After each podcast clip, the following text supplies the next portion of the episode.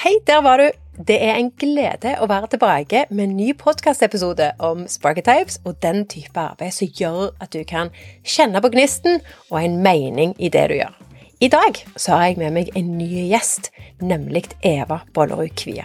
Eva hun driver Charmis, nettbutikken som selger garn og strikkeutstyr til de som gjerne vil jobbe med naturlige, dyre og klimavennlige materialer, sånn at de da kan sitte og kose seg og skape med god samvittighet. I tillegg så driver hun selskapet Lett og stabil Eva Bålerud Kvia, hvor hun da hjelper andre med å gjennomføre livsstilsendringer. Dette gjør hun da gjennom ukentlige én-til-én-møter, fysisk eller digitalt. I tillegg dette er jo ei dame som får til alt, så har hun utendørs styrketreninger for grupper. Og for de som måtte lure, så holder hun til på Jæren. Så det er der du kan finne henne hvis du har lyst til å jobbe med henne i forhold til utendørs styrketrening. Men for noen år siden så ble Eva plutselig syk. Og før så holdt hun mer på med, med ting som var regnskaps- og revisororientert, men så pga. sykdommen da, så ble jo denne kursen endra ganske drastisk. Hun gikk fra å typisk jobbe bånn gass og digga det hun gjorde og likte karrieren sin og var på vei opp, til å være tilnærma sengeliggende. Men gjennom blod, svette og tårer, typisk, og kosthold og trening og massevis av pågangsmot og en ukuelig optimisme, så har hun altså klart å jobbe seg opp til å drive to selskaper. I denne episoden så skal du ikke bare få bli kjent med Eva og det hun driver med, men du skal òg få bli kjent med det hun gjør gjennom linsa til hennes Sparketype-profil. Så dette her, det kan du bare glede deg til. Eva hun har samme Sparketype-profil som meg, nemlig advisor som primærtype, Maven som skyggetype og performer som antitype. Og før vi begynner denne samtalen, så har jeg bare lyst til å gi deg en kjapp intro til disse her typene, sånn at du kan bli bedre kjent med begreper og det vi snakker om, og så kan du få noen knagger å henge dem på. Primærtypen innenfor Sparketypes, det er din sterkeste impuls til å anstrenge deg for å gjøre noe uten noen annen grunn til at det faktum at det gir deg energi og glede og en følelse av at du lever. Dette er den underliggende driveren og det som gir den mest effektive og klareste tilgangen til flyt, energi, entusiasme, mening og hensikt, og en opplevelse av at du gjør noe som du føler du er meint for å gjøre. For advisoren, som er Eva sin primærtype, så er arbeid som coaching, rådgivning, mentoring og veiledning det som fyller henne med energi og mening. Advisoren er den personen som kan skape dype forhold til andre, enten det er gjennom å jobbe med andre én til én, eller i mindre grupper. Advisoren er typisk gode på å skape tillit og hjelpe andre til å tro på seg selv og skape den tryggheten som er nødvendig for å guide noen gjennom en prosess og mot et ønsket resultat. Og uansett hvem de jobber med, så er de andre sitt resultat deres resultat. Og så har vi skyggetypen. Skyggetypen den fungerer ofte som primærtypen sin forsterker, og så bor han på en måte i skyggen av primærtypen, og så er han den nest sterkeste impulsen. Dette er den type arbeid som du kan synes er sinnssykt kjekt, og kanskje kan ha utvikla deg til å bli skikkelig god i òg, og i tillegg så er det den type arbeid som gjør det mulig å gjøre en enda bedre jobb med primærtypen sitt arbeid og ofte har en gjennom jobben sin eller arbeidet sitt hatt mer kontakt med skyggetypen enn primærtypen sin. Eva sin skyggetype, det er Maven, og Mavens elsker å lære. Ofte på et nivå langt forbi bare nysgjerrighet. Og som Maven så har du en indre driv til å lære og til å vite mer. Og det som gjerne får deg opp om morgenen, det er å vite at du kan legge deg om kvelden og vite mer enn det du gjorde dagen før. Som Maven så ser en på læring som er nesten hellig jakt som en kan gå seg vill i. Og siden muligheten til å lære ofte er i overflod, så er det naturlig at eh, en har en anledning til å dypdykke og miste tida i en slags flytsone oftere enn andre. Mange Mavens kan rapportere at de kaster seg over en 800 siders biografi, for så å finne et eller annet spesifikt der som fanger oppmerksomheten, som da gjerne igjen fører til et Google-søk, og så plutselig så ser de på klokka, og så innser de at det er langt over leggetid. Og så da tar vi et lite skifte, og så har vi antitypen. Antitypen det er den type arbeid som suger livsgnisten ut av deg. Hvis du kan tenke deg at det er noe arbeid som du bare tenker er det største orket som du driver og utsetter, og du bare skyver foran deg, så er det høy sannsynlighet for at det kan være noe som har med antitypen å gjøre. Det betyr jo på ingen måte at du ikke kan være flink i denne type arbeid, for du kan gjerne ha gjort det mye og blitt skikkelig god til det òg, men det er likevel den type arbeid som krever mest energi å gjøre, og som oppleves som det absolutt tyngste løftet. Eva hun har performeren som antitype, og det betyr at bare tanken på å være i front å måtte ta en scene eller stå i lyset, enten det er i et møte, et foredrag eller en salgssamtale eller whatever, det er en ekstremt ubehagelig tanke. Og en kan gjerne bli god til det, men selv om du ser at du blir bedre, så er det å stå i lyset og i front den tingen du minst vil gjøre, og den opplevelsen som krever absolutt mest energi. Og hvis du har performeren som antitype, så er du mye mer komfortabel når du ikke trenger å kjenne på nerver og press, og det presset av å ha alle øyer retta mot deg og det å stå i lyset. Da håper jeg at du har fått en liten intro, eh, noen knagger å henge denne samtalen her på, og så håper jeg at du koser deg like mye som meg med å høre på Eva. Hei, Eva. Da sitter jeg her med deg. Hei, hei. Endelig. takk. Så da eh, tenkte jeg, kan ikke du bare ta en kjapp intro av deg sjøl? Jeg prøver å, å, introdusere deg litt i starten, men litt sånn med dine egne ord. Ja. Eh, jeg heter da Eva Bollerud Kvia. Eh, jeg er veldig snart 50 år, og det syns jeg er helt greit. Eh, jeg har jobba med masse eh, forskjellige ting opp igjennom. Jeg er jo utdanna økonom og har jobba liksom i den retningen i veldig mange år. Jeg gikk liksom én vei hele tida. Det var tall, tall, tall etter hverandre med, med yrker innen det. Så blei jeg sjuk over natta eh, for noen år siden. Og var veldig sjuk i perioder. Da klarte jeg ingenting. Og det gjør jo litt med en. Så måtte jeg da prøve å jobbe meg opp igjen. Trene meg opp igjen, jobbe meg opp igjen.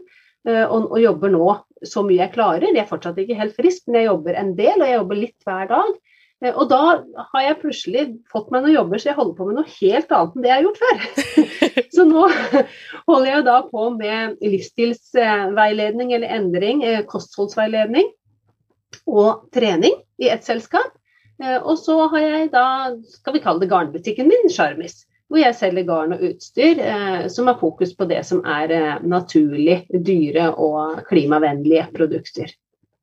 Så det er hverdagen min nå. Det endra seg veldig, men, eh, og det har endra meg litt. Eh, men jeg er nok en del av den samme uansett òg.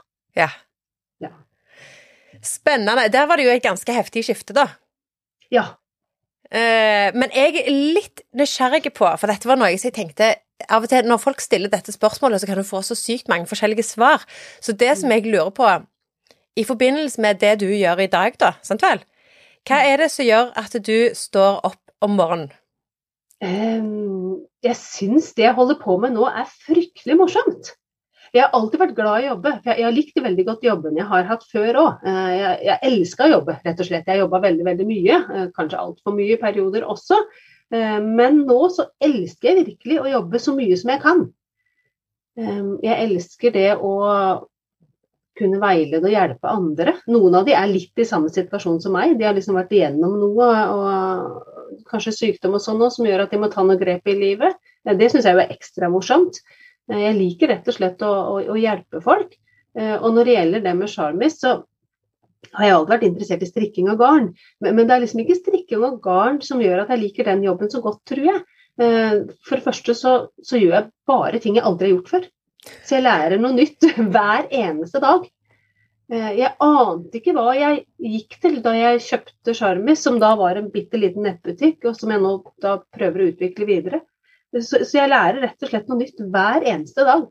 Eh, det er veldig tilfredsstillende, syns jeg. det er kult. Og så litt artig du sier det, for vi har jo introdusert deg med The Maven som skyggetype. Ja. ja hvordan, og det er jeg.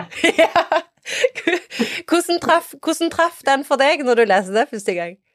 Den traff eh, Vi kan vel bare si at den traff 100% Jeg elsker å lære. Jeg elsker å mestre nye ting. Jeg elsker ikke bare å lære å mestre nye ting i jobbsammenheng, jeg er veldig glad i å lære sånn privat òg. Jeg har alltid vært en lesehest fra jeg lærte meg å lese idet jeg begynte på skolen. Så har jeg lest veldig, veldig mye. Så jeg, jeg, liker liksom Jeg liker å lære alt mulig rart. Jeg liker å lese historie, jeg liker å lære om folk, jeg liker å lære om uh, forskjellige typer kulturer. Uh, ja, alle mennesker på jorda liker jeg å lære om. Uh, og nå liker jeg jo da å lære meg helt nye ting. Nå lærer jeg meg liksom hvordan det er å ha en nettbutikk da, liksom fra, fra baksida. Alt det tekniske inni der. Jeg har lært meg masse IT-ting. Jeg har lært meg veldig masse om sosiale medier det siste året. Ja, og, ja, alle mulige nye ting egentlig liker jeg. Ja. Det, ja, jeg er rett og slett en sånn kunnskapsjunkie, kan vi kalle det. Maven slash kunnskapsjunkie. Ja, helt klart. Jeg liker jo at jeg, Noe av dette her jeg lærer meg, liker jeg jo at jeg faktisk har bruk for. For alt dette jeg lærer meg i forbindelse med Sjarmis og sånn, ja, og i forbindelse med Lett og stabil, for jeg leser jo og, og lærer meg veldig mye om kosthold og trening og sånn òg. Hele tida. Så bruker jeg det jo i jobb. Og jeg bruker det jo fordi jeg faktisk har glede av det. Men privat så liker jeg jo også, også å lære liksom nye ting. Jeg leser historiske romaner rett og slett for å lære om hva som skjedde for noen tusen år siden. Det, ja. Så det, for å slappe av og underholde meg sjøl, men, men også for å liksom lære noe. Ja. ja. Veldig kult. Så eh, kunnskapsjunkie, da har vi på en måte dekt eh, Maven. På, ja. en, på, en, måte. Hvordan dukker den opp på en måte i, i hverdagen, da? Du sier at du, du, liker å lære nye ting, og at du leser og sånn, men hvordan ser det ut i praksis? Det kan være litt slitsomt, for jeg har, jeg har jo lyst til å lære noe nytt hele tida. Så, så, jeg er jo en sånn som Å, et nytt kurs. Å, det har jeg lyst til å lære meg. Det har jeg lyst til å lære meg. Eh, jeg har ja, Mens jeg var sjuk, så, så, tok jeg kurs uh, Først noen sånne strikkekurs. Jeg kunne jo strikke fra før, men jeg hadde lyst til å lære enda mer, så jeg starta med det. Så tok jeg en sånn utdannelse som strikkedesigner, uh, rett og slett for å lære meg det litt bedre. Uh, for, for, det var det eneste jeg klarte mens jeg var sjuk, det var å ligge hjemme på sofaen og, og, strikke og ta noen sånne kurs. Så tok jeg kurs innen søvn, for jeg liker det òg, og da har jeg tatt masse kurs innen det. Så jeg, jeg, jeg liker veldig godt kurs. og jeg hører veldig mye på lydbøker. Og der mikser jeg litt. Eh, der tar jeg liksom sånn ca. annenhver bok som, eh, som, rett og slett bare er underholdning, eh, for å roe hodet litt. Ja. Så hører jeg på en vanlig roman, gjerne krim eller et eller annet sånt noe. Og så annenhver bok er gjerne da litt sånn, ja, hvis vi kaller det selvhjelpsbok, da. Ja. Så, så, hører jeg på det. Litt sånn annenhver gang. For at det ikke skal bli altfor mye. For du går jo og tenker mye mer når du lærer noe nytt, enn når du bare underholder deg sjøl. Så, så, alt dette her med den læringa, det, det, har jeg i meg og med meg hver dag, eh, bevisst eller ubevisst. Det, det er jo litt bevisst da når jeg ser at jeg liksom har meldt meg på det 20. kurset i år. Så, altså, så, så, dukker det jo opp at det, det, er kanskje noe med personligheten min. Um, og så må jeg jo innrømme at det er jo ikke alltid jeg klarer da å fullføre alt så nøye som jeg egentlig skulle ønske, for det kan jo bli litt mye. Det er minuset med det. Jeg sitter og smiler nå, Eva, for det at meg og deg har samme profilen. Ja. Og det du sier, det treffer så greit. Det er akkurat så jeg føler at du sitter nesten beskriver meg. Ja. Eh, fordi at det, det, det, siste du sa, så at jeg lurte på og dette med fullførelse Om du For jeg òg har Å, jeg vet ikke hvor mange kurs jeg har tatt jeg har begynt på, i aller beste hensikt på at det, dette er det jeg trenger akkurat nå. Kommer til stykket, har begynt på det, er superentusiastisk. Plutselig shiny syndrome, object syndrome, kan vi kalle det. Og så er jeg nesten videre til noe annet, og så kan jeg etterlate meg sånn hauger av ting som jeg da Jeg vet ikke. Er du, er du en fullfører? Nei, jeg er nok dessverre ikke det. Ikke alltid, i hvert fall. Jeg skulle ønske jeg kunne svare ja, for jeg vil jo være det. Ja. Og jeg jo har de beste intensjoner når jeg melder meg på. Og, og, det er jo ikke fordi jeg ikke liker det, det er ikke fordi det ikke er bra. Men rett og slett så, så blir det ikke alltid tid. Jeg, eh, kanskje en del av disse kursene har, har, en type aktivitet som foregår på samme tida. Jeg, jeg klarer ikke å være med på to livesendinger samtidig, for en del av det er jo digitalt, så klart, i, i disse dager. Og, og, da blir det ene ofra litt for det andre. Og så klarer jeg ikke alltid da å stå det helt ut. Eh, nå er jo ikke det krise så lenge det gjelder sånne private ting som jeg egentlig gjør for moro skyld. Så gjør jo ikke det noe. Eh, for jeg har jo meldt meg på for at det skal være litt kos òg. Men, men jeg skulle ønske at jeg var en fullfører. Men jeg må jo innrømme at nei, det, det er jeg nok ikke. Dessverre. Kan jeg prøve å bli det, kanskje? ja. Og så hører jeg av, for det, det man gjerne også sier om Mavens, da, det er jo gjerne det at du, du noen har en ekstremt bred fascinasjon. Sånn litt sånn, sånn multi-passionate, sant. Altså multilidenskapelig. Det går på tvers av alt, og alt er liksom sånn Å, det er spennende, og det er spennende, og det har jeg lyst til oh, nytt! Mm, sant? Litt der. Hoppe videre. Og så har du andre som gjerne da har en mer sånn sentrerte sant? Går dypere, smalere og dypere. Av, ja. av, det du sier, så høres det ut som du er på den breie skalaen, stemmer det? Jeg er stort sett på den breie. Eh, jeg syns alt er interessant, som du sier. Hvis du hadde spurt meg i dag om det var forskjellige ting jeg kunne tenke meg å jobbe med, så kunne jeg jo ramsa opp sikkert 25 forskjellige ting jeg, jeg godt kunne ha jobba med. For det syns Du har katter i bakgrunnen, tror jeg! To, katter som ikke var så veldig venner akkurat midt oppi er Beklager. Det går helt fint, det var bare løye. Ja. Vi bare så de bak der. De kom løpende. Ja. ja. Eh, en, på år, en, på 15 år, og en på snart ett år. De, de er ikke alltid like venner. Den ene er litt plagsom. Ja, det kan jeg, det kan jeg tro. Mm. Ja. Så ja, den breie fascinasjonen, ja. Jeg har den stort sett en breie, men så har jeg jo ting da som, som jeg liksom står i og fordyper meg i også. Ja. Det har jeg jo. Det, det, er jo litt derfor jeg jobber med akkurat det jeg gjør òg. Det med strikking og, og strikkedesign og sånn, og, og, det rundt det, det står jeg i. Og der fortsetter jeg hele tida å lære meg nye ting. Og det samme innen kosthold og trening òg. Det stopper jeg aldri med. Kosthold og trening har interessert meg siden jeg var 20 år, eh, og det stopper ikke det der fortsetter jeg å grave og grave, og finner selvfølgelig nye retninger innen temaet, men, eh, men det går jeg ikke vekk ifra. Og så lærer jeg meg mange andre forskjellige ting som er helt hvitt og helt forskjellige ting eh, innimellom. Jeg, jeg, tenker plutselig at oi, jeg kunne godt tenkt meg å vært arkitekt, kan jeg tenke meg en dag. Eh, jeg har jo ikke tenkt å bli det, men jeg syns jo det er fryktelig morsomt å lære litt om det, da. Så. Du må gjerne begynne å puste puse. Eller begynne et sånn totalrenovasjonsprosjekt. Bytte Det skal du ikke se bort ifra at jeg ja. plutselig kan finne på. Da kan du lære deg det. Ja. det kan jeg. Altså, det er nok, jeg er nok litt mer av den breie, men jeg har noen da ting som, som er stabilt. Heldigvis. Ja, heldigvis. Ja. Og de tingene der, og det, det er liksom nysgjerrig på, at da virker det ut som da har du, du har mange ting, sant? Mange sånne små fascinasjoner og sånn som det, og så har du to stykker spesielt, da, så du har på en måte smala inn, og så har du gått dypere. Ja. Så nå lurer jeg på, for dette, disse vet jeg jo har gjerne òg en direkte connection til hovedtypen din, eller til primærtypen, advisoren. Vet i hvert fall spesielt en av de. Ja. ja. Hvordan, hvordan ser du den linken der sjøl? Jeg vet ikke, nå må jeg bare prøve å ikke stille så mange spørsmål på en gang, men jeg lurer veldig på dette som man gjerne sier med skyggetype og primærtype, så er det gjerne det at det er skyggetypen som har vist seg den som gjerne har vært mest fremtredende tidligere i livet. At det er gjerne den man har hatt mye fokus på. Hvis, nå vet vi litt at du eh, gjør litt advisoren jobb sant, på sida, men så kan jeg få lov å ta ett steg tilbake igjen. Har du lagt merke til den advisoren fra du var liten av? Har du liksom Hadde du kontakt med den? Eh, jeg er litt frista til å si ja, faktisk. Eh, selvfølgelig så er du ikke noe advisor når du er fem år. Eh, men, men, jeg tror nok kanskje at jeg skulle ønske at jeg var det allerede fra jeg var fem år, nesten. Jeg er eldst av fire søsken, så jeg er nok litt advisoren i, i familien også. Ja. Jeg, den rollen har jeg jo ikke ja, Jeg har både fått den og tatt den antageligvis, og så er det kanskje meg den passer best til, da. Så, så det er jeg. Eh, og den har nok fulgt meg hele tida. Eh, før jeg ble sjuk, så jobba jeg jo eh, som revisor og konsulent og innen den retningen, og stortrivdes med det, så jeg har nok alltid hatt det der i meg.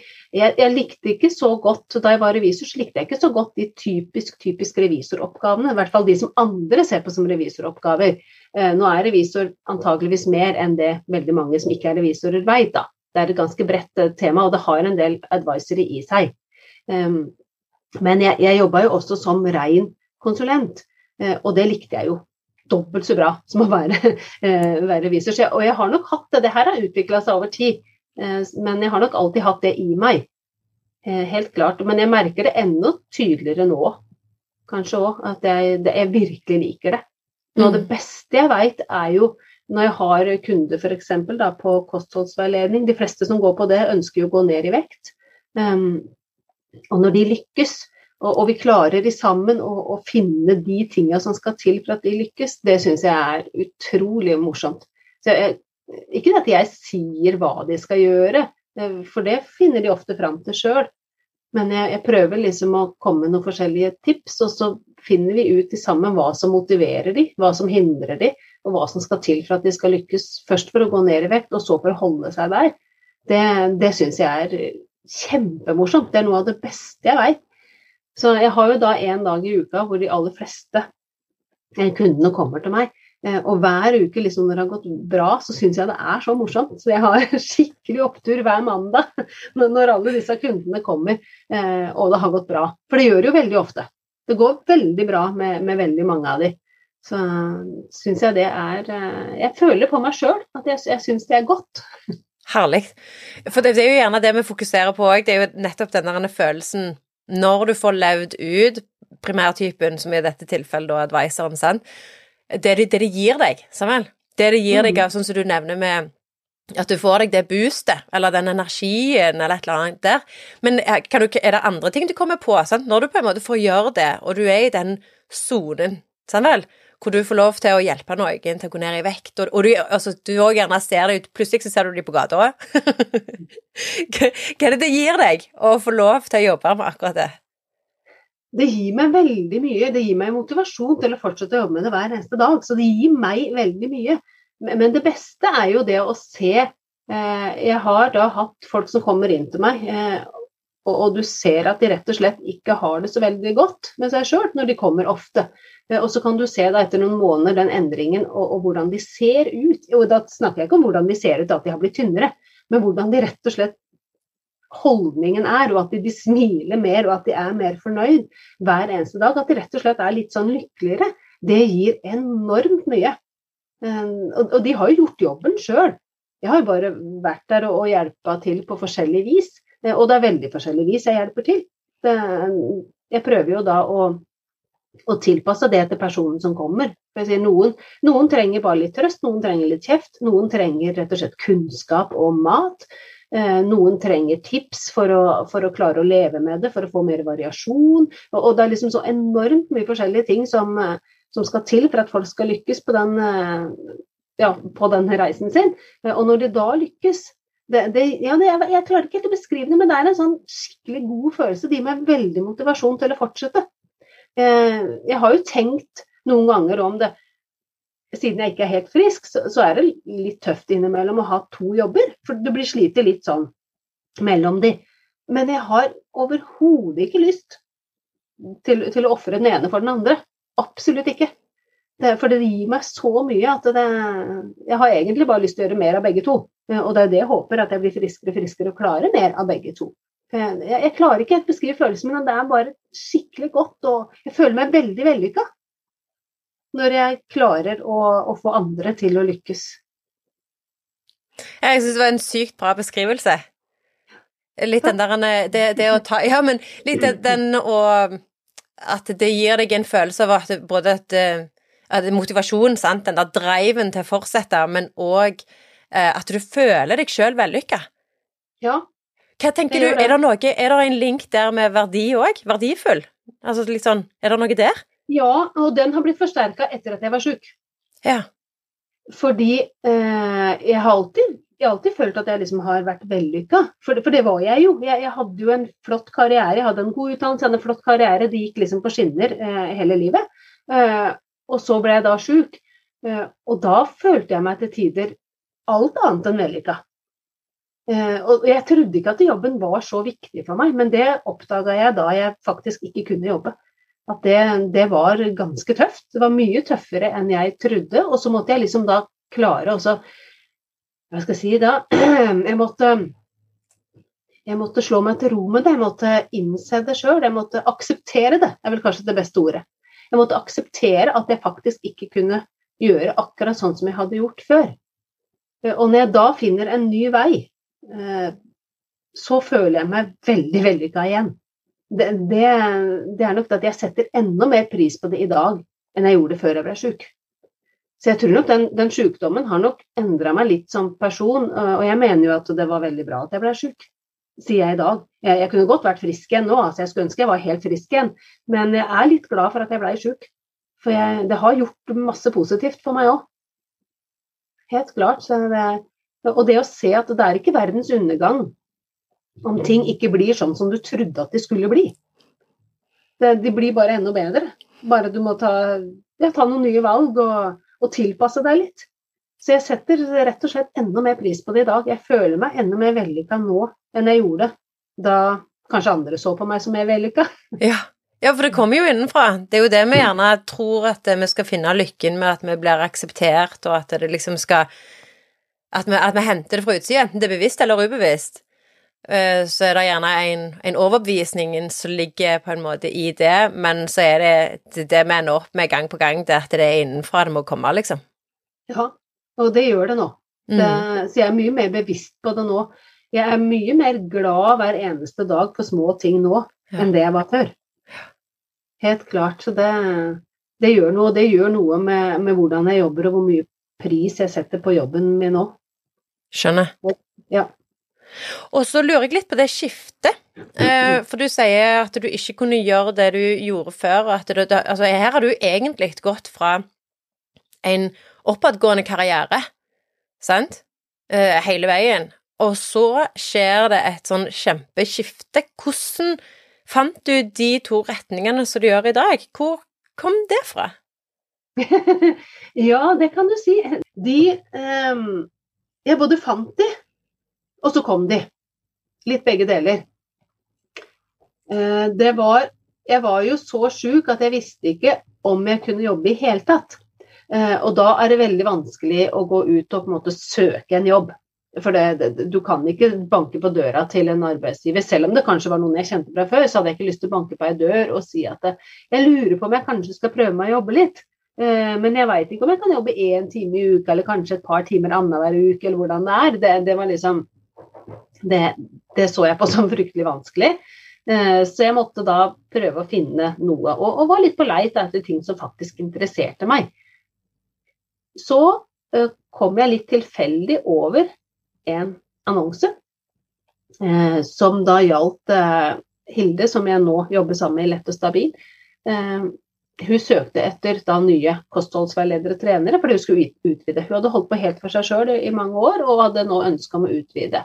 Eh, og at det da får med seg flere som skal starte opp for seg sjøl. Hun kjente jeg fra før, for vi var kollegaer i en tidligere jobb. Vi jobba veldig godt sammen der, så jeg tok rett og slett kontakt med hun og sa det akkurat sånn det var. Jeg er sjuk, men jeg lurer på om jeg kanskje kan prøve å starte bitte, bitte litt.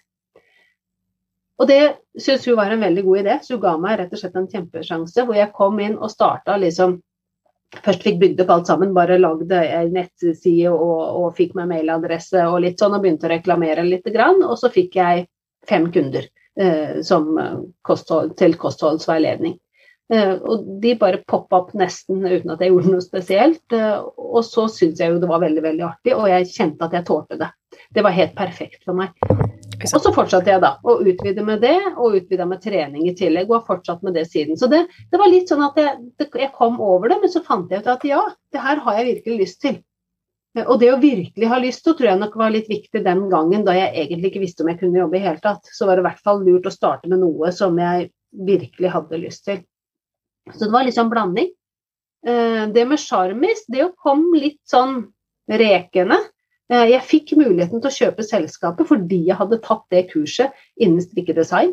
Eh, for hun, som, hun som holdt det kurset, eh, hun var en av de tidligere eierne til Charmis, og de måtte selge det pga. noen noe private forhold, litt sykdom der også. Og da fikk jeg muligheten til å kjøpe det fordi de kjente meg via det kurset jeg hadde tatt.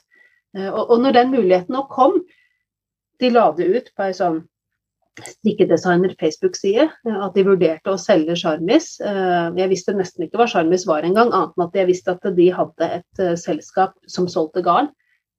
Så ble jeg litt nysgjerrig, og så var det et eller annet som bare kicka inni meg. Det var bare ja, dette her er kanskje muligheten jeg leiter etter. Det, det her kan være noe. Da holdt jeg jo fortsatt på med kostholdsveiledninga, som jeg nå også gjør. Men så kjente jeg at jeg kan ikke holde på med det 100% heller. For, for, da blir det veldig mye mennesker og sånn, og det har jeg litt problemer med. Eh, Pga. sykdommen min så kan jeg ikke ha folk rundt meg hele tida. Så jeg kunne ikke hatt folk inne til kostholdsveiledning hele tida. Okay. Så, så, det med å ha det i, i, en viss porsjon, og så måtte jeg da se om jeg hadde mer arbeidskapasitet og holde på med dette ved siden av. Så, og da kjente jeg bare at det, ja, det her er kanskje noe. Eh, og da jeg tok den beslutningen, så visste jeg jo ikke helt hva jeg gikk til. Eh, for jeg har aldri drevet butikk. Eh, og jeg har aldri drevet nettbutikk. Og så tenkte jeg at det å drive nettbutikk som selger garn, da skal jeg kjøpe inn varer, jeg skal reklamere litt, og jeg skal pakke ordre. Det er stort sett det jeg skal gjøre, tenkte jeg. Det er jo ikke sånn det er. Absolutt ikke. Men det er jo ikke noe verre. Det er jo veldig, bare veldig, veldig mye bedre. Eh, ja, Det var godt det, da? Ja, det var veldig mye bedre enn jeg trodde. Men dagene, Det ble jo ikke sånn som jeg trodde, men det ble veldig mye bedre enn jeg hadde forestilt meg. Men jeg jobba med helt andre ting enn det jeg trodde. Det å pakke ordre er jo ikke det som tar tid. Det, er bare en liten del av det. Det er fort gjort. Så det, det er litt sånn blanding av bevisste valg og muligheter som egentlig kom litt sånn Og så hadde jeg jo i den perioden hvor jeg var sjuk, så hadde jeg jo tenkt mye. Jeg hadde jo tenkt litt hva jeg, For det første hva jeg trodde jeg kunne klare. Det ble viktig for meg. Eh, og hva jeg hadde lyst til. Så, så det ble en sånn blanding. Og da, da mulighetene kom, eh, og jeg har ikke angra et sekund på noen av de, så da må det være riktig, tenker jeg, at jeg tok de. Jeg, kanskje jeg havna på rett hylle. Ja. ja. Og så er det jo ekstremt kult, egentlig, at dette er altså, Og helt sikkert, og kanskje det at dette vet jeg litt òg, er en utfordring at dette er to vidt forskjellige ting. Ja. Eh, at det kan være litt utfordrende i forhold til diverse, diverse ting som man skal gjøre. Men, men det at du på en måte kan gjør mye av det som gir deg noe. At det, det med kostholdsveiledning, det, det gir deg, og så da at du kan ha fleksibiliteten til dette som du sa med, med folk, sant? At da kan du heller gjøre noe annet. Og det at vi kan se at dette er mulig, det å gjøre to forskjellige ting, gå totalt inn på to forskjellige lidenskaper og fremdeles få det til. Til og med, og det som gjerne er mest eh, fascinerende og imponerende, det er jo det at du er med utgangspunkt i sykdom. Ja. Så, til og med med ja. Jeg si kanskje særlig med utgangspunkt okay. i sykdom. Altså det egentlig eh. er nesten det, er det som, som, gjør deg i stand, på en måte? Vil du si ja. det er nesten den som Det er det. Det, det her gjør meg i stand. Jeg bruker eh, for, for min sykdom blir veldig mye verre hvis jeg ikke gjør de rette tinga. I min sykdom så er de rette tinga å spise riktig. Eh, jeg går på en, jeg kaller det en diett. Det er i hvert fall veldig mange ting jeg ikke kan spise, så jeg går på en slags diett. Ikke for å gå ned i vekt, men, men for, å, for, at kroppen min skal fungere, så går jeg på en diett. Eh, og jeg må trene, være i aktivitet hver dag. Så jeg bruker rett og slett lett og stabil-jobben min som motivasjon til å klare å holde ut det regimet litt òg. Eh, og så lærer jeg så mye av det livet jeg lever da kostholds- og treningsmessig sjøl, at jeg bruker det i lett og stabil-jobben. Så det, det, ser jeg rett og slett på som en sånn vinn-vinn. Eh, og så da har jeg da Charmis, eh, som jeg gjør så masse annet som jeg ikke visste at jeg likte, men som jeg liker kjempegodt. Jeg bruker nok litt av de, eh, disse her typene som vi har beskrevet nå der også. Jeg har jo et sånn miljøfokus i selskapet bl.a. Og der føler jeg meg litt som den derre eh, som advisor rundt det. Igjen får jeg ut litt av det jeg syns det er viktig at hele verden tenker litt på, på hva de strikker av og sånt. Så jeg har nok litt av det der òg. Og, og, så lærer jeg meg nye ting innen det også. Så der er begge de typene mine involvert på en ja, litt annen måte. Men kombinasjonen er, den er riktig for meg. For jeg, jeg, jeg kunne da f.eks. kutta ut lett og stabil og så satsa på Charmis, eh, for det kanskje var der det var mest penger da, sånn i framtida. Men, men da er jeg redd for at jeg ville ofra min egen helse litt, og det er veldig dumt, for jeg er avhengig av at den er så god som overhodet mulig for helt klare noe. Så Derfor så er den kombinasjonen veldig viktig for meg. Eh, og jeg tror at den gjør at jeg blir bedre i begge jobber, rett og slett. Jeg syns det er superfascinerende. Eh, med den har du vært Hvor bevisst har du vært på dette at du har den ene som på en måte er, er boosten i forhold Altså du, at du bruker det bevisst, da. Med lett og stabil, med helse. Og, denne, og, og, på en måte liksom passion i forhold til strikking og Maven og det å lære nye ting og gjøre nye ting. Altså, Hvor bevisst har du vært på akkurat den biten? Jeg tror jeg har vært ganske bevisst. For det jeg sa nå nettopp, ja. det, det, er ting jeg har tenkt på mange ganger. Ja. Eh, jeg, jeg, har jo gått ganske mange runder både med meg sjøl og med eksperter og alle mulige slags eh, hjelp og ikke-hjelp, ja, eh, manglende hjelp sådan, de siste åra for å bli friskere. Og har kommet fram da, til en ganske sånn grei resept på hva som gjør eh, livet best for meg. Mm. Eh, og derfor så er det valget helt riktig. Så jeg har tenkt på det mange, mange ganger. Det er helt bevisst at jeg har begge deler. Selv om det noen ganger gjør litt sånn Jeg har ikke bare katter, nei. Det, det, det kler jo, jo, opplegget med naturlig og kjærlighet. Det gjør det. Et fremmed dyr på yttersida. Akkurat, nei, det kan vi ikke ha noe av. Nei, det skal vi ikke ha nå. Da er vaktpudderen på plass. Beklager. det går fint. Så eh, ja, bevisst. Det var, det var gjerne konklusjonen, eller? Ja, veldig bevisst, eh, vil jeg si. For jeg har jo vurdert eh, den herre for, for, det var jo ikke helt planlagt at det skulle bli to så forskjellige typer jobber. Det, det, det var jo ikke helt det. Men det er veldig bevisst at jeg fortsetter med det. Og det tror jeg at jeg kommer til å gjøre. I hvert fall så lenge jeg klarer å tenke framover i tid, så har jeg lyst til å fortsette med begge deler. Nå, jeg ble litt sånn nysgjerrig når du snakket nå, for uh, går, det an, kan, går, det an, for deg å si noe om prosent om hvor mye du jobber, hvis du liksom skulle bare gjøre en liten sånn en? Ja, jeg jobber eh, litt hver dag. Men det varierer veldig. Eh, enkelte dager så er det kanskje bare en halvtime, okay. og andre dager så er jeg oppe i tre timer. Eh, for jeg bruker ganske mye tid på eh, å holde meg frisk. Jeg bruker ganske mye tid på, på matlaging, på hviling, på aktivitet.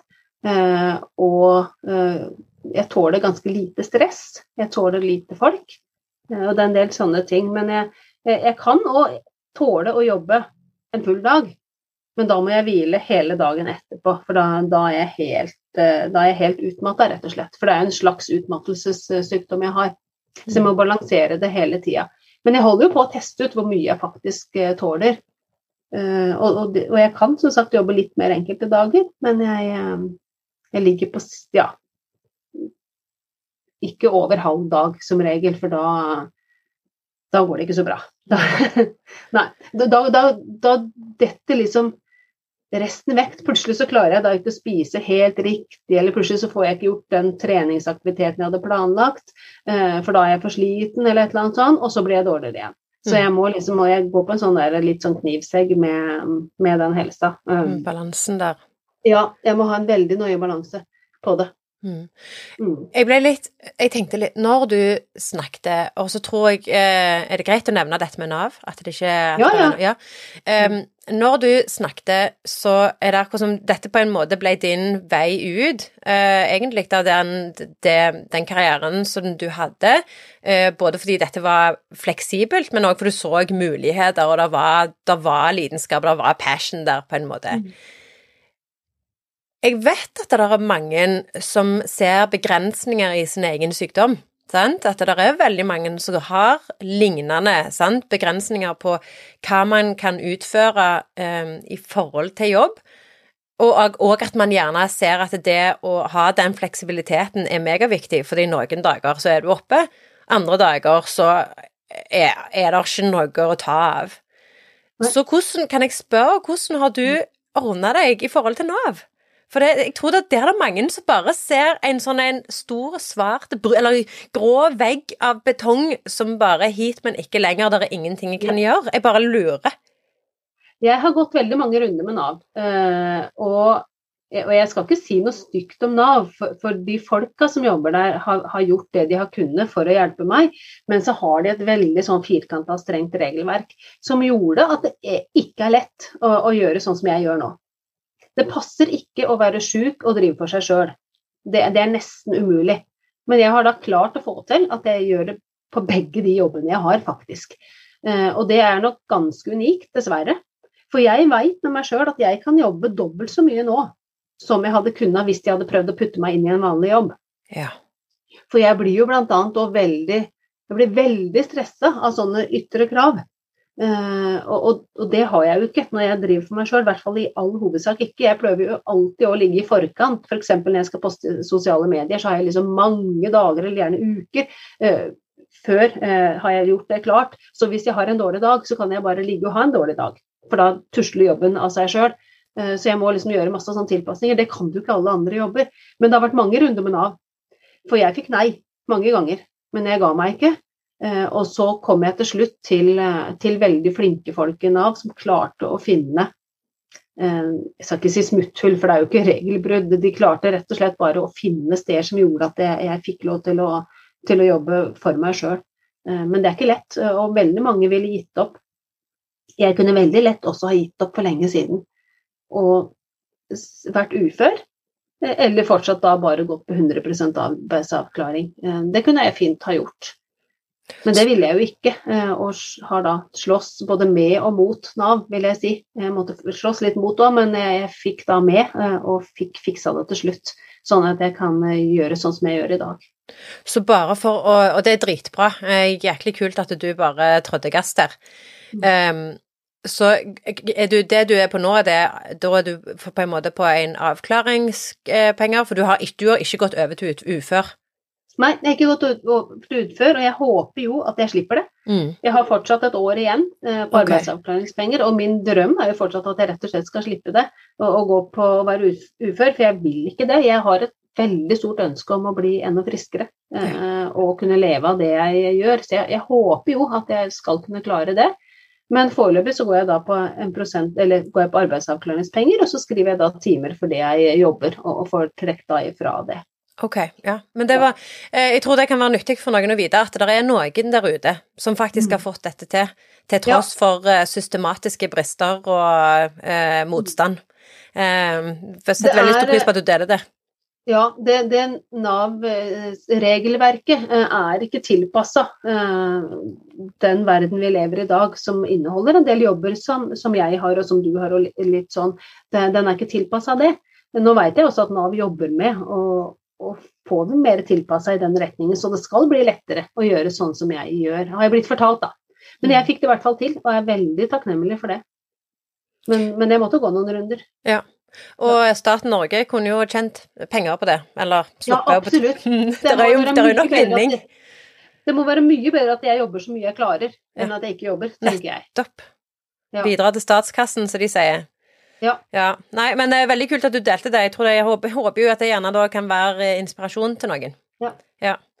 Eh, ok, så nå lurer jeg litt på Nå har vi snakket litt om advisoren, vi har snakket litt om eh, skyggetypen, og så er jeg veldig spent på eh, den her antitypen, vet du, performeren. Hvordan dukker den opp som en sånn indre motstand i hverdagen? Den har, den har alltid vært her. Og det vil si alltid, han var ikke der da jeg var liten.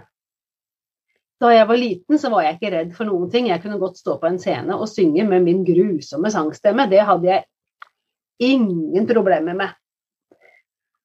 Så var det vel sånn Jeg tror det var sånn cirka da jeg begynte på ungdomsskolen, så blei jeg mer sjenert.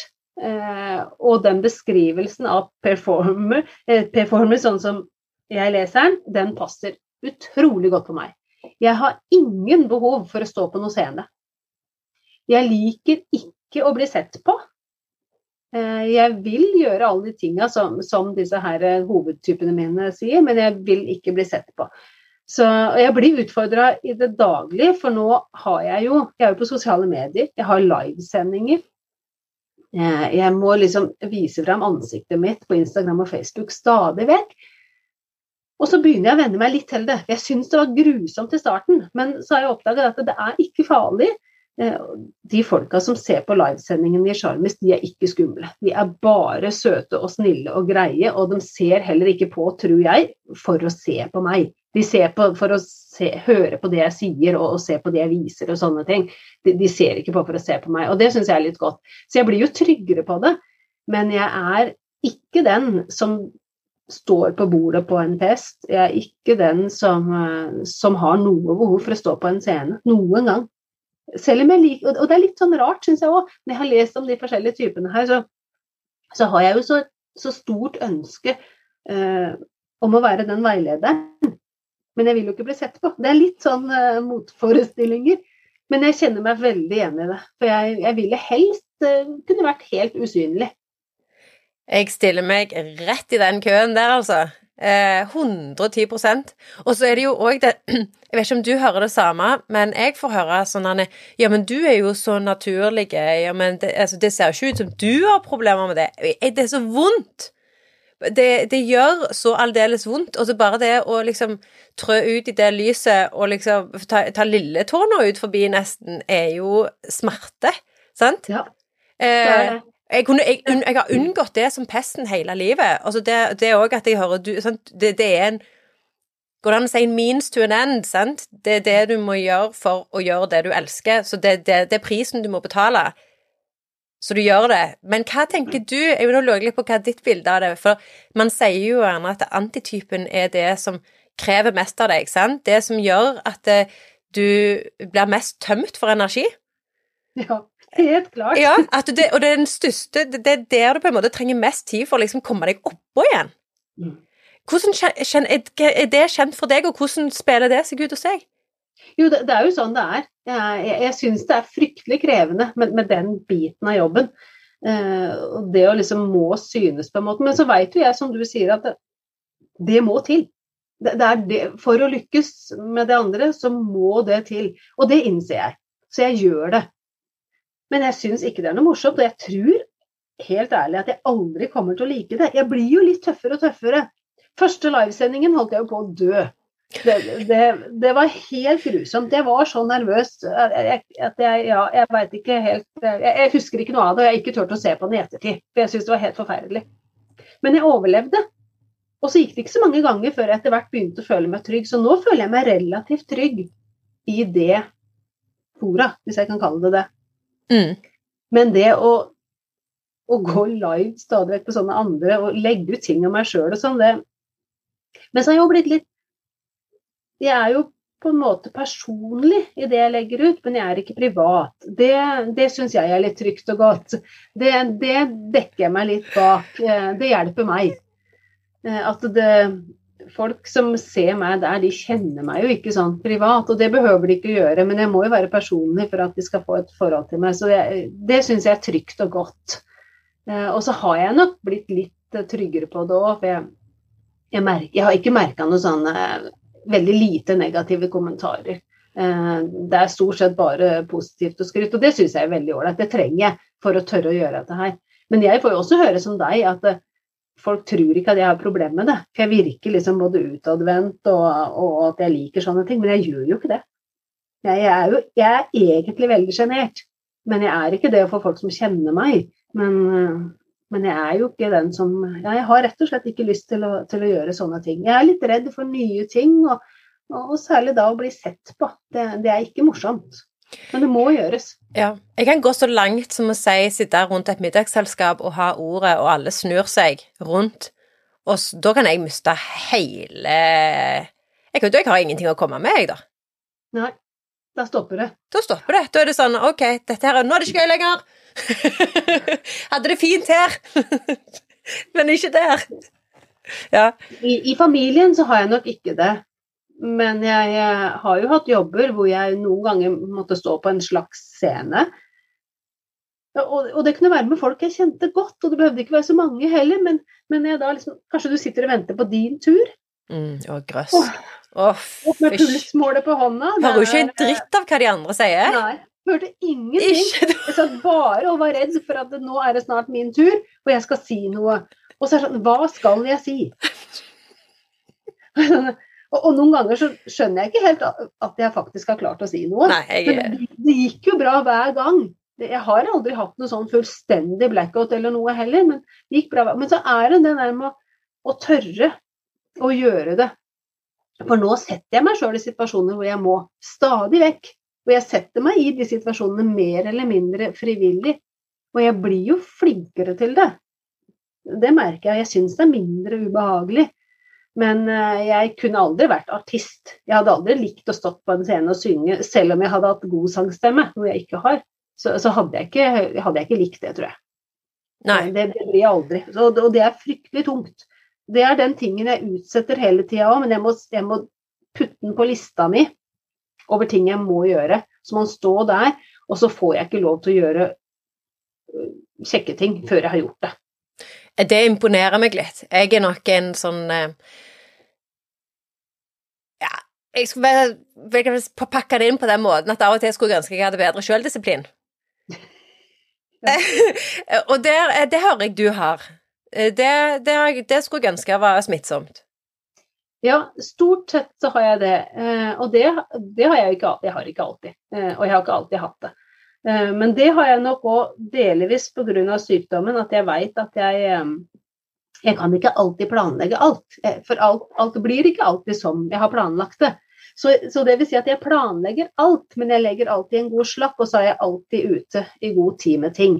Eh, og det er det med det, alle de oppgavene jeg må gjøre òg, også de som er ubehagelige.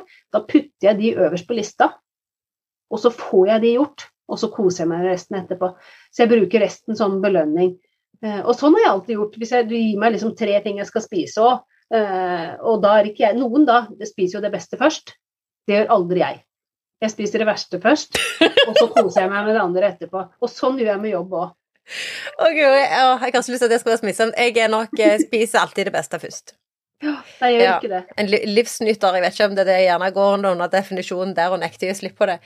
Uh, jeg lurer litt på, um, og det er litt fordi at jeg kjenner uh, jo godt denne profilen her sjøl på meg sjøl, ja. så lurer jeg på Er det Kan du kjenne igjen dette med performeren slash advisoren?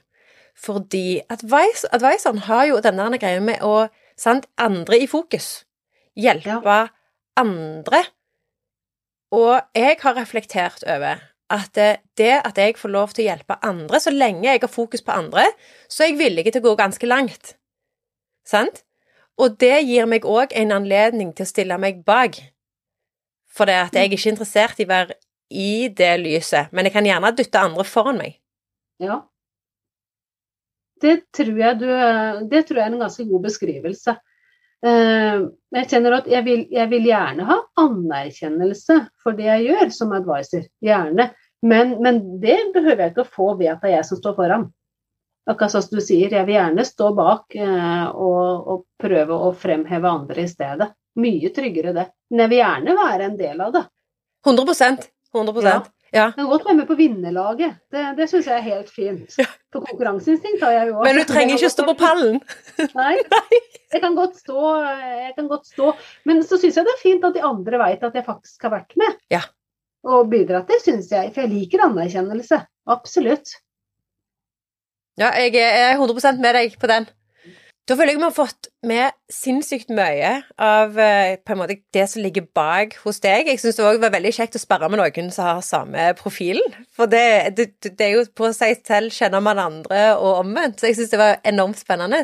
Så nå lurer jeg egentlig på, med, i lys av det du gjør i dag, hvordan ser det ut lenger framme, og er det noen tanker om hvordan du på en måte skal viderebruke de, denne profilen, den sparketypen dine, til å ta valg, eller til hvordan ting ser ut, eller hvordan noe formes? Har du noen tanker om det? Ja, eh, jeg føler meg veldig hjemme i de typene her. Så jeg har jo liksom, jeg har i hvert fall ikke noe ønske om å bli noe annet. For dette her er meg, det er jeg helt sikker på, og jeg kan ikke bli noe annet enn det. Men så er jeg da bevisst, og blir kanskje bare mer og mer bevisst på at det er sånn jeg er, og så må jeg prøve da å dra nytte av fordelene med det, øh, og prøve å ja, bekjempe ulempene med det. Så jeg tenker, langt fram i tid så håper jeg for det første at jeg er frisk. Øh, øh, I hvert fall så godt som frisk. Og da vil jeg gjerne holde på med det samme. Og, og hvis jeg da skal benytte den personen jeg er, så har jeg jo masse energi til å lære nye ting, så det er ingenting som stopper meg. Så jeg, jeg håper jo at jeg virkelig skal lykkes. At jeg skal få uh, noe skal si, suksess med det jeg holder på med. Skikkelig suksess. At det virkelig skal bli uh, stort og ja, kanskje kjent til og med. Da får jeg kanskje litt uh, utfordringer på den der antitypen min igjen. Men, men, da får jeg takle det. For hvis det er det som skal til, så skal jeg stå for det. For jeg jobber med ting som jeg er veldig stolt av. Og jeg har ikke noe problem med å stå for det. Og da kan jeg godt stå foran der også, til og med med ansiktet mitt, uh, og, og, si at dette her, er, dette her, er, mitt verk, dette har jeg fått til, dette her uh, har jeg lykkes med. Uh, på tross av så er jeg liksom ekstra stolt av det. Så jeg, jeg kjenner meg hjemme i det, men jeg må da bare ja, jobbe meg gjennom det negative med det og, og, dyrke det positive. Kanskje mest det siste, at jeg virkelig skal, skal bruke de fordelene som de her typene eh, er. For, dette er meg. Jeg er helt sikker på at dette her er en veldig god beskrivelse av sånn som jeg er og sånn som jeg jobber. Så langt fram i tid så er dette fortsatt meg.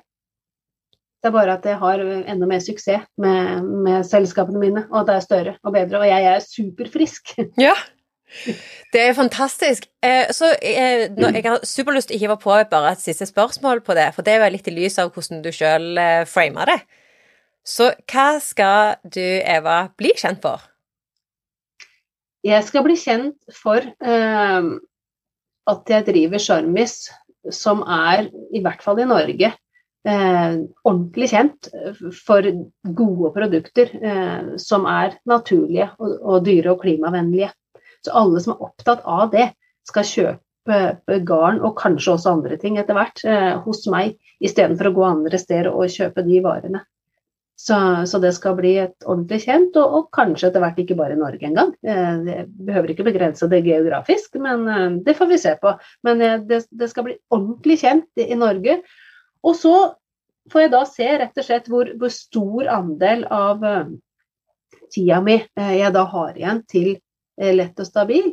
Men, men, de som kommer til meg, skal alltid vite eh, at jeg vil dem det beste. Eh, at de får så, så, god hjelp som de trenger, at de får det de trenger når de kommer dit. Eh, og at jeg er god i den jobben også. Så, så blir det, det, blir aldri en 100% jobb, men, men, alle de som da kommer til meg der, de skal få, få det beste. Eh, det skal ikke være noe sånn der på sida heller, fordi at jeg har litt ledig tid ved siden av Sjarmis. De, eh, de, skal komme til ei som, som kan mye eh, om faget, og som vil hjelpe dem. Helt ærlig og oppriktig til, en, til et ja, skal vi si bedre liv, da. For å være litt sånn voldsom og flåsete. det, sånn skal det være om noen år. Veldig kult. Går det an egentlig å si at du er på god vei allerede? Jeg håper det. Mm. Jeg håper virkelig det. Eh, nå har jeg også lært meg gjennom de siste åra at det er enkelte sider ved en sånn type sykdom som du rett og slett bare må finne deg i. Eh, jeg er vant til at hvis jeg bare jobber, så får jeg til alt jeg vil uansett. Men det er enkelte ting ved en sånn type sykdom som, du, ja, som både tar tid og går veldig sakte. Eh, og jeg jeg har jo innsett at det er ikke helt sikkert at jeg blir helt, helt frisk. Eh, og, og det, det, kan jeg òg leve med. For jeg kan få til noe kjempebra eh, om jeg ikke blir det òg. Eh, blir jeg flink nok i det jeg gjør, så kan jeg jo få hjelp av andre òg. Jeg må jo ikke gjøre alt sjøl, sånn som jeg gjør i dag. Mm. Så jeg kan fortsatt følge drømmen. Selv ja, om det ikke er gjør, jeg som gjør alt sjøl. Og gjøre enda mindre av det som jeg krever ja, for eksempel. Mm. Mm. Nei, veldig kult. Men eh, tusen takk, Eva. Det, jeg tror det er nyttig, eh, nyttig å høre lyden i de forskjellige typene, men òg ekstremt nyttig det du deler. Og må, jeg, jeg, følte det var mange gode tips òg inni her, jeg. Jeg skal, jeg, skal ta med, jeg skal ta med meg videre. det liker jeg, vet du. Der kommer jeg jeg, jeg, håper jo, og det gjør jeg jo alltid, jeg håper jo ved å være åpen uh, om sykdom og utfordringer, sånn at jeg faktisk kan hjelpe noen. Kan jeg mm. hjelpe ett menneske som er litt i samme situasjon, så setter jeg jo stor pris på det. Så det syns jeg bare er hyggelig. Og så lærer jeg enda mer om meg sjøl, og rett og slett sitte og svare og snakke om de tinga her. Så, så, ser jeg meg sjøl i et litt annet lys, så jeg syns det er veldig, veldig nyttig. Så selv takk. Kult. Veldig kult. Men da eh, takker vi til Eva, og så eh, kan vi rappe opp eh, offline. Det var det vi hadde med Eva. Jeg må bare si det, hun er en av heltene mine, tror jeg. Det er liksom den der optimismen og den stå-på-viljen. Altså, jeg tar fullstendig av meg hatten. Og hvis du har lyst til å bli bedre kjent med Eva, så kan du finne strikkebutikken hennes med å søke på Charmes med CH. Og hvis du kjenner at du har lyst på en ørliten livsstilsendring, så kan du søke etter Eva på Lett og stabil, Eva Bollerud Kvie. Og så, da? Hvis du kjenner at du er nysgjerrig på din egen Sparketype-profil, så kan du gå til sparketype.com, så kan du ta testen gratis der. Og etter du har tatt testen, så er det naturlig at eh, en har lyst til å finne ut hvordan en kan ta denne kunnskapen her litt mer ut i praksis og finne ut ok, hva betyr dette for meg. Derfor har jeg laga et minikurs som gir deg mer informasjon og kunnskap om din profil, i tillegg til at du kan begynne å se hvordan sparketypen din er linka sammen med din unike zone of genius, altså dine unike superkrefter. Og dette syns jeg er superspennende. Så da må du bare lage deg en fantastisk dag videre, og så glede deg til neste episode hvor du får treffe enda en ny Sparketype-profil. Vi snakkes.